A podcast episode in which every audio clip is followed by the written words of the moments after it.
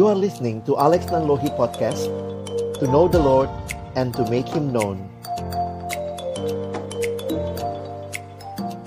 Selamat pagi Bapak Ibu yang dikasihi dalam Tuhan Yesus Kristus. Senang bahwa pada pagi hari ini boleh sama-sama kita beribadah. Kita sudah memuji Tuhan Mendengarkan kesaksian. Kita sudah berdoa dan kita akan sama-sama membaca dan merenungkan firman Tuhan. Mari kita kembali mohon pimpinan Tuhan sebelum kita membaca merenungkan firman-Nya, kita satukan hati, kita berdoa. Bapa di dalam surga, pemilik kehidupan kami, pemilik seluruh alam semesta, pemilik pelayanan yang kami sedang jalani saat ini. Sekali lagi kami datang dalam ucapan syukur kepadamu Tuhan, karena sungguh Engkaulah Allah kami, Allah yang hidup, Allah yang kudus, Allah yang berkuasa, dan kami mohon anugerahmu. Ketika sama-sama kembali kami akan membuka firman-Mu ya Tuhan, bukalah juga hati kami. Jadikanlah hati kami seperti tanah yang baik, supaya ketika benih firman Tuhan ditaburkan itu boleh sungguh-sungguh berakar, bertumbuh, dan juga berbuah nyata di dalam kehidupan kami. Berkati baik hambamu yang menyampaikan, setiap kami yang mendengar, Tuhan tolonglah kami semua. Agar kami bukan hanya menjadi pendengar-pendengar firman yang setia, tapi mampukan dengan kuasa dari rohmu yang kudus, kami dimampukan menjadi pelaku-pelaku firmanmu di dalam hidup kami. Bersabdalah ya Tuhan, kami sedia mendengarnya. Dalam satu nama yang kudus, nama yang berkuasa, nama Tuhan kami Yesus Kristus, Sang Firman yang hidup, kami menyerahkan pemberitaan firman-Mu. Amin. Nah, pada pagi hari ini saya ingin mengajak kita sama-sama akan melihat bagian firman yang menjadi tema yang diangkat dalam perenungan kita hari ini. Temanya yang kita sama-sama akan pikirkan adalah kuat dalam panggilan Tuhan. Bagian firman Tuhan yang mendasari yang tadi sudah kita baca bersama di dalam 2 Petrus pasal yang pertama ayatnya yang ke-10. Sekali lagi kita akan membaca bagian ini untuk memasuki perenungan kita akan firman Tuhan. 2 Petrus 1 ayat yang ke-10. Karena itu saudara-saudaraku, Berusahalah sungguh-sungguh supaya panggilan dan pilihanmu makin teguh. Sebab jikalau kamu melakukannya, kamu tidak akan pernah tersandung. Sekali lagi kita lihat bagian ini. Tentu untuk mendapat konteks dari seluruh bacaan kita, kita harus nanti melihat beberapa ayat di atasnya. Karena kalimat kata sambung yang dipakai di sini adalah karena itu. Sama kalau kita dalam konteks bacaan, setiap kali menemukan karena itu berarti ada bagian sebelumnya yang akan menolong kita bisa memahami ayat yang ke-10 ini. Nah, mari kita lihat sebentar apa yang menjadi konteks latar belakang Rasul Petrus menuliskan suratnya. Di masa itu ada dua surat yang Petrus sampaikan yaitu surat 1 Petrus dan surat 2 Petrus. Jika Bapak Ibu Saudara sekalian melihat apa yang terjadi pada masa itu, maka ada hal yang menarik untuk kita perhatikan. Di dalam konteks waktu itu ada dua ancaman yang dihadapi oleh gereja Tuhan di abad pertama. Karena itu, ketika Rasul Petrus menuliskan suratnya, dia melihat apa yang menjadi hal penting yang perlu gereja miliki, yang perlu orang-orang yang melayani miliki pada masa itu di tengah-tengah dua ancaman yang ada. Yang pertama adalah ancaman dari luar, berupa penganiayaan dari pihak-pihak yang memiliki kebencian terhadap Tuhan Yesus dan para pengikutnya. Nah, apa yang menarik? Mereka dibenci bukan karena hidup mereka nggak benar, tapi justru karena mereka hidup benar, karena perilaku mereka yang saleh. Jadi ini menjadi hal yang menarik untuk kita perhatikan ancaman dari luar. Nah, Bapak Ibu Saudara bisa melihat lebih jelas akan hal itu di dalam surat 1 Petrus. Berulang kali, kalau kita melihat Lembaga Alkitab Indonesia memberikan judul dalam setiap atau beberapa perikop yang muncul di 1 Petrus dengan gambaran tentang penderitaan. Jadi, nanti kalau kita perhatikan penderitaan mewarnai surat 1 Petrus. Tetapi yang menarik kemudian di dalam surat 2 Petrus ada ancaman bukan hanya dari luar, tetapi nampaknya juga dari dalam jemaat sendiri. Apa ancamannya adalah ajaran-ajaran sesat yang merusak iman orang percaya. Jadi, dari luar penderitaan, penganiayaan, dari dalam ajaran-ajaran yang tidak benar ajaran yang menyeleweng dari ajaran utama.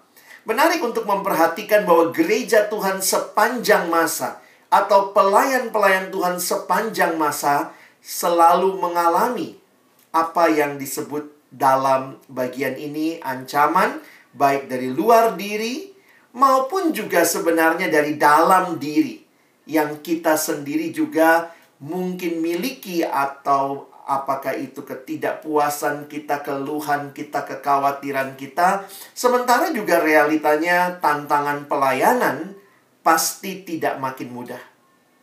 Jadi, saya pikir bagian ini mengingatkan kita bahwa tidak ada pelayanan, tidak ada hidup tanpa penderitaan, tidak ada hidup tanpa ancaman dari dalam. Jadi ini satu realita yang kita alami, kita hadapi.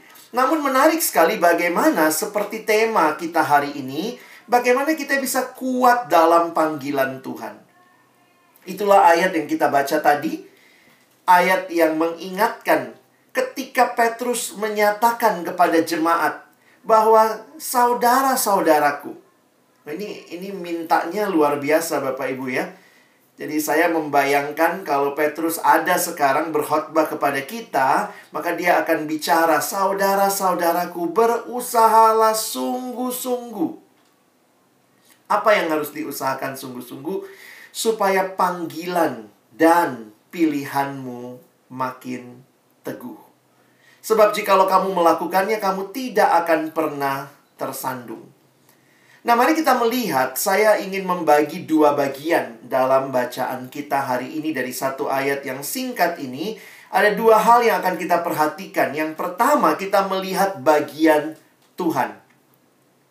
Jelas sekali di dalam bagian tadi bahwa Tuhan adalah Tuhan yang memanggil, Tuhan yang memilih. Ini bukan kata-kata yang baru saya pikir buat kita orang percaya. Menyadari bahwa kita adalah orang-orang yang dipilih, dipanggil, ini dua istilah yang mewarnai kehidupan kerohanian kita. Apa yang menarik untuk kita perhatikan? Seringkali kita bisa mudah sekali lupa tentang Allah dalam hidup itulah yang memang sering kali juga jadi pengalaman kita. Di tengah-tengah mengerjakan pelayanan pun sering kali kita lupa bahwa kita sebenarnya dipanggil oleh Allah. Seringkali kita bicara panggilan, panggilan, panggilan. Tetapi setiap kali bicara panggilan, kita lebih banyak berbicara apa yang harus saya lakukan. Panggilan, apa yang harus saya lakukan? Sementara hal yang pertama dan terutama waktu bicara panggilan adalah sadarilah bahwa ada yang memanggil. Nggak mungkin kita bicara panggilan tanpa ada yang memanggil. Kita bicara pilihan. Wah, saya dipilih, saya ditempatkan Tuhan, saya diberikan. Tapi sering kali kita lupa bahwa ada pribadi yang memilih. Pelayanan hidup kita tidak dimulai dari kita sendiri. Keselamatan, pelayanan yang Tuhan berikan, itu ada dalam konteks Tuhan yang memanggil, Tuhan yang memilih. Karena itu kalau Bapak Ibu Saudara nanti menaik naik sedikit ke ayat-ayat sebelumnya, kita lihat di bagian awal surat 2 Petrus, ini yang Petrus ingatkan karena kuasa ilahinya. Jadi bukan pekerjaanmu, bukan kebaikanmu, bukan bukan apa yang bisa kau lakukan. Tapi perhatikan baik-baik. Karena kuasa ilahinya telah menganugerahkan kepada kita segala sesuatu yang berguna untuk hidup yang saleh oleh pengenalan kita akan Dia yang telah memanggil. Nah, dipakai lagi istilah ini ya yang memanggil kita oleh kuasanya yang mulia dan ajaib. Dengan jalan itu ia telah menganugerahkan kepada kita janji-janji yang berharga dan yang sangat besar supaya olehnya kamu boleh mengambil bagian dalam kodrat ilahi dan luput dari hawa nafsu duniawi yang membinasakan dunia. Perhatikan baik-baik apa yang disampaikan Petrus dalam bagian ini bahwa yang memulai segalanya dalam hidup kita bukanlah kemampuan kita, bukanlah usaha kita, bukanlah kerja keras kita, bukanlah kebaikan karakter kita, tetapi semata-mata anugerah Allah yang kita terima di dalam putranya Yesus Kristus. Inilah keselamatan yang Tuhan berikan. Kalau Bapak Ibu Saudara, kita hari ini bicara panggilan, ingatlah sejak awal keselamatan kita itu semata-mata anugerah Allah. Sehingga ketika Petrus mendorong jemaat, ayo kamu makin teguh dalam panggilanmu. Berarti mereka harus melihat lebih lagi kepada anugerah Allah yang telah menyelamatkan mereka. Ini bukan usaha mereka. Terima kasih tadi sharing baik dari Ibu Jenny, baik dari uh, Saudari Kathy waktu bicara tentang apa yang Tuhan sudah lakukan. Tuhan yang menjawab doa. Tuhan yang bekerja di dalam kelemahan kita. Dan itu menjadikan kita semakin teguh, semakin percaya bahwa benar ini pekerjaan Tuhan. Kalau bukan pekerjaan Tuhan, saya pikir Bapak Ibu Saudara juga udah lama mungkin ya meninggalkan pelayanan ini. Tetapi ketika kita tahu bahwa ini pekerjaan yang Tuhan berikan dan Tuhan bahkan memanggil kita, melibatkan kita, betapa terhormatnya kita menjadi rekan sekerja Allah. Bahkan membawa orang untuk memuliakan Tuhan, membawa anak-anak untuk kenal siapa satu-satunya Tuhan dan juru selamat yang harus dipuji, yang harus disembah. Sehingga kalau kita terus-menerus sadar bahwa panggilan kita, bahwa pilihan yang kita terima adalah anugerah Allah, maka kita pun akan senantiasa memuliakan Tuhan. Pelayanan yang semakin lama cenderung mudah untuk membanggakan diri, baik diri yang melayani maupun diri secara organisasi. Mudah sekali kita yang memulainya dengan menyadari anugerah Allah, sering kali juga menjadi orang-orang yang justru bukan memuliakan Allah. Kita memuliakan diri kita dan pelayanan kita. Apa yang Tuhan rindukan? Kuat dalam pelayanan bukan merasa diri semakin layak, tetapi semakin sadar betapa tidak layaknya aku. Ini semua adalah karena anugerah Tuhan. Akhir tahun seperti ini biasanya kita sudah mulai bikin report pelayanan. Mulai ada angka-angka yang kita buat, ada hasil presentasi yang kita buat. Tapi kiranya kita pun sadar, semua pencapaian itu it's all God's grace. Semuanya anugerah Allah. Ketika ada anak yang percaya pada Yesus, ada anak yang potensi dirinya dikembangkan begitu rupa, ada anak yang bertemu dengan tujuan hidup yang jelas itu semua adalah anugerah Allah. Anugerah yang di dalamnya Tuhan bekerja dan ketika Bapak Ibu Saudara menyaksikan itu, biarlah kita makin kuat dalam panggilan kita. Yes, ini yang Tuhan berikan. Ini anugerah Tuhan. Jadi kuat di dalam panggilan akhirnya juga membawa kita memuliakan Tuhan, bukan memuliakan diri. Semua agama bicara apa yang harus saya lakukan supaya selamat. Kekristenan tidak berbicara demikian. Kekristenan berbicara justru apa yang Allah lakukan bagi saya. Semua agama bicara bagaimana mencapai surga. Tetapi kekristenan bicara sang pemilik surga datang ke dalam dunia jadi manusia. Sehingga tidak heran manusia yang hanya beragama memikirkan saya mencapai Allah, saya mendapat keselamatan pasti memuliakan dirinya. Kalau benar demikian, wow, surga itu jadi tempat paling sombong. Begitu sampai di surga yang satu bilang, kenapa kau masuk sini? kemarin habis sumbang gereja, oh, kau, kau masuk sini kenapa? Oh, kemarin saya baru bangun uh, ini rumah untuk anak-anak. Tetapi ketika kita tahu bahwa semua adalah anugerah Tuhan, maka kita akan rendah hati dan berkata, "Kalau aku dapat, itu karenanya. Kalau aku punya semua daripadanya, karena itu terpujilah Tuhan. Orang yang semakin kuat dalam panggilan bukan orang yang semakin lupa diri, tetapi orang yang semakin mengingat Tuhan dan sadar diri. Timothy Keller, seorang penulis, seorang pendeta, mengatakan religion, agama membuat kita bangga akan apa yang sudah kita lakukan.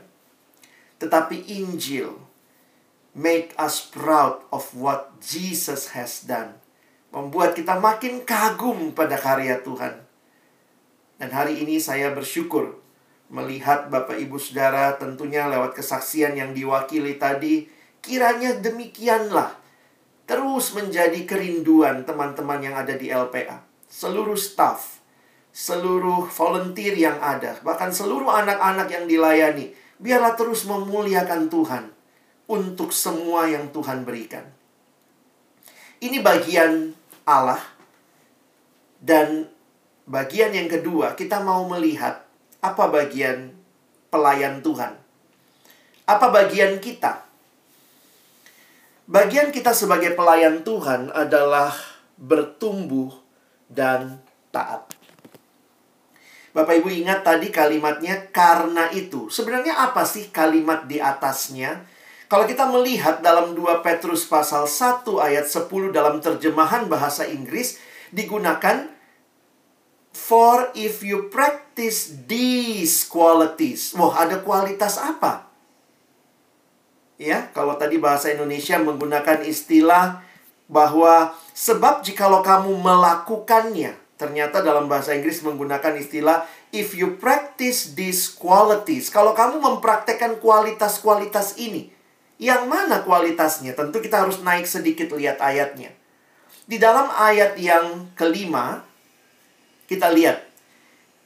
Petrus berkata, justru karena itu kamu harus dengan sungguh-sungguh berusaha.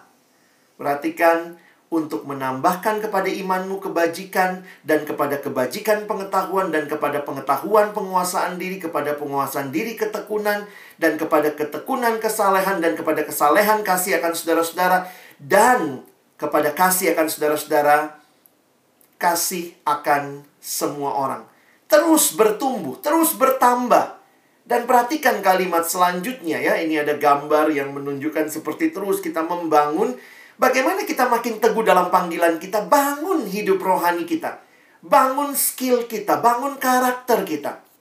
Dan ingat kalimat ini. Sebab apabila semua itu ada padamu dengan berlimpah-limpah, kamu akan dibuatnya menjadi giat dan berhasil dalam pengenalanmu akan Yesus Kristus Tuhan kita. Tetapi barang siapa tidak memiliki semuanya itu, ia menjadi buta dan picik karena ia lupa bahwa dosa-dosanya yang dahulu telah dihapuskan. Nah, sesudah kalimat ini barulah ayat 10. Karena itu, saudara-saudaraku, berusahalah supaya panggilan dan pilihanmu makin teguh. Bagaimana supaya panggilan dan pilihan kita makin teguh, Bapak Ibu sekalian? Teruslah bertumbuh. Orang yang bertumbuh akan terus sadar bahwa Tuhan sedang bekerja dan dia pun belajar untuk taat. Kenal Tuhan menjadi bagian kita makin mengenal siapa pemilik pelayanan ini. Jangan sampai kita cuma senang dengan pelayanan Tuhan, tapi tidak mau kenal Tuhan, Sang Pemilik pelayanan. Karena itu, pastikan sekian lama Bapak Ibu ada di lembaga ini? Apakah kita makin kenal Tuhan? Dan waktu kita makin kenal Tuhan, kita pun akan semakin teguh dalam panggilan dan pilihan kita. Tuhan yang memulai. Dia libatkan kita. Dan bukan hanya itu, Bapak Ibu perhatikan demi membangun saudara dan saya. Tuhan memberikan rohnya yang kudus untuk membangun kita. Ketika Bapak Ibu melayani, diberikan kemampuan. Roh Kudus memberikan karunia. Tuhan juga berikan firman-Nya. Bukan hanya rohnya yang kudus, tapi firman-Nya menuntun hidup kita. Dan bersyukur Tuhan berikan komunitas untuk menolong kita bertumbuh. Kiranya semua penginjil anak yang ada. Orang-orang yang rindu memberitakan Injil kepada para anak-anak. Benar-benar mengalami pertumbuhan rohani. Mengalami betul roh kudus menggerakkan kita untuk menyaksikan kasih Tuhan. Saya searching sedikit lembaga saudara dan bersyukur melihat ya sejak tahun 37. Reaching Children Worldwide. Dan hari ini kita sama-sama masuk dalam hari doa. Sebagai penutup saya ingin mengajak kita merefleksikan Memang pelayanan saat ini nggak mudah. Masa-masa pandemi apalagi situasi makin tidak mudah. Tetapi ingatlah, seperti yang tadi di-sharingkan saudari Kathy bahwa berdoa adalah pekerjaan. Doa harusnya bukan jadi jalan terakhir. Semua udah dicoba, aduh nggak bisa, lalu doa. Bukan. Doa harusnya jadi jalan pertama bagi setiap kita yang melayani Tuhan Pelayanan yang maju tidak pernah maju dengan berlari, tetapi dengan bertelut kepada Tuhan. Dan doa menjadi bagian kita berserah kepada Allah yang sanggup melakukan jauh lebih banyak dari yang kita lakukan. Pandemi memang makin membuat kita kesulitan di beberapa daerah. Tentu juga orang tua tidak gampang mengizinkan anaknya keluar di beberapa daerah bahkan kalau kita lihat angka per 15 Juni ya, saya belum tahu data terakhir tapi 15 Juni jumlah anak 0 sampai 17 tahun yang terdampak Covid itu sampai 3064 anak. Jadi ini jumlah yang cukup tinggi. 28 di antaranya meninggal dunia. Jadi pasti pelayanan saudara juga terdampak. Tapi hari ini kita dipanggil bukan hanya di Indonesia, sedunia kita sama-sama berdoa dan kalimat ini menjadi kalimat yang saya renungkan melalui doa. Allah telah memberi Anda jalan untuk membuat kehadiran Anda jadi berarti, yaitu cara untuk menjadi teman yang sejati dalam pekerjaan kerajaannya. Ini ditulis oleh Wesley Jewel dalam bukunya Menjangkau Dunia Melalui Doa.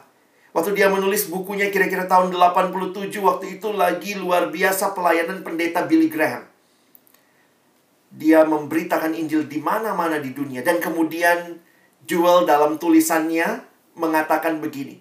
Dengan doa, Anda bisa berdiri di samping Billy Graham yang lagi khotbah di Rusia, Billy Graham yang lagi khotbah di London, Billy Graham yang lagi khotbah di Amerika. Dengan doa, kehadiran Anda jadi berarti.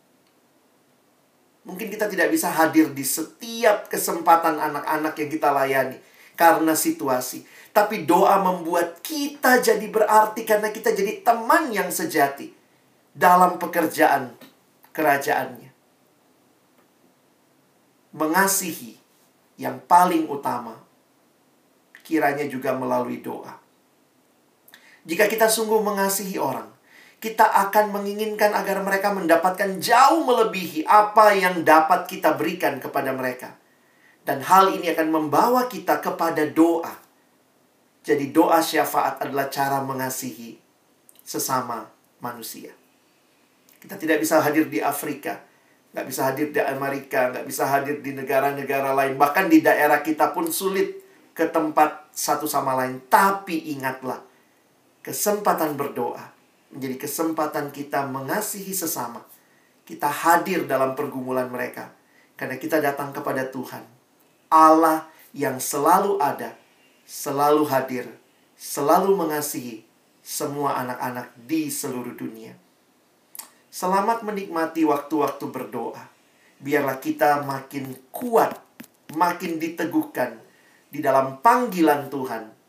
Dan doa-doa kita hari ini makin menolong kita melihat memuliakan Tuhan yang besar. Amin. Mari kita berdoa. Tuhan terima kasih untuk firman-Mu. Terima kasih untuk setiap hati yang boleh terbuka di hadapan Tuhan. Siapkan kami sebagai orang-orang yang melayani, benar-benar makin dikuatkan. Dan waktu kami berdoa pun kami makin menyadari pekerjaan Allah yang besar, yang tidak bisa dibatasi oleh ruang dan waktu. Karena Engkau hadir, kami bisa datang dan berdoa kepadamu. Kami bersyukur Tolong kami bukan cuma jadi pendengar firman, mampukan kami jadi pelaku-pelaku firman-Mu. Dalam nama Yesus, kami bersyukur, kami berdoa. Amin.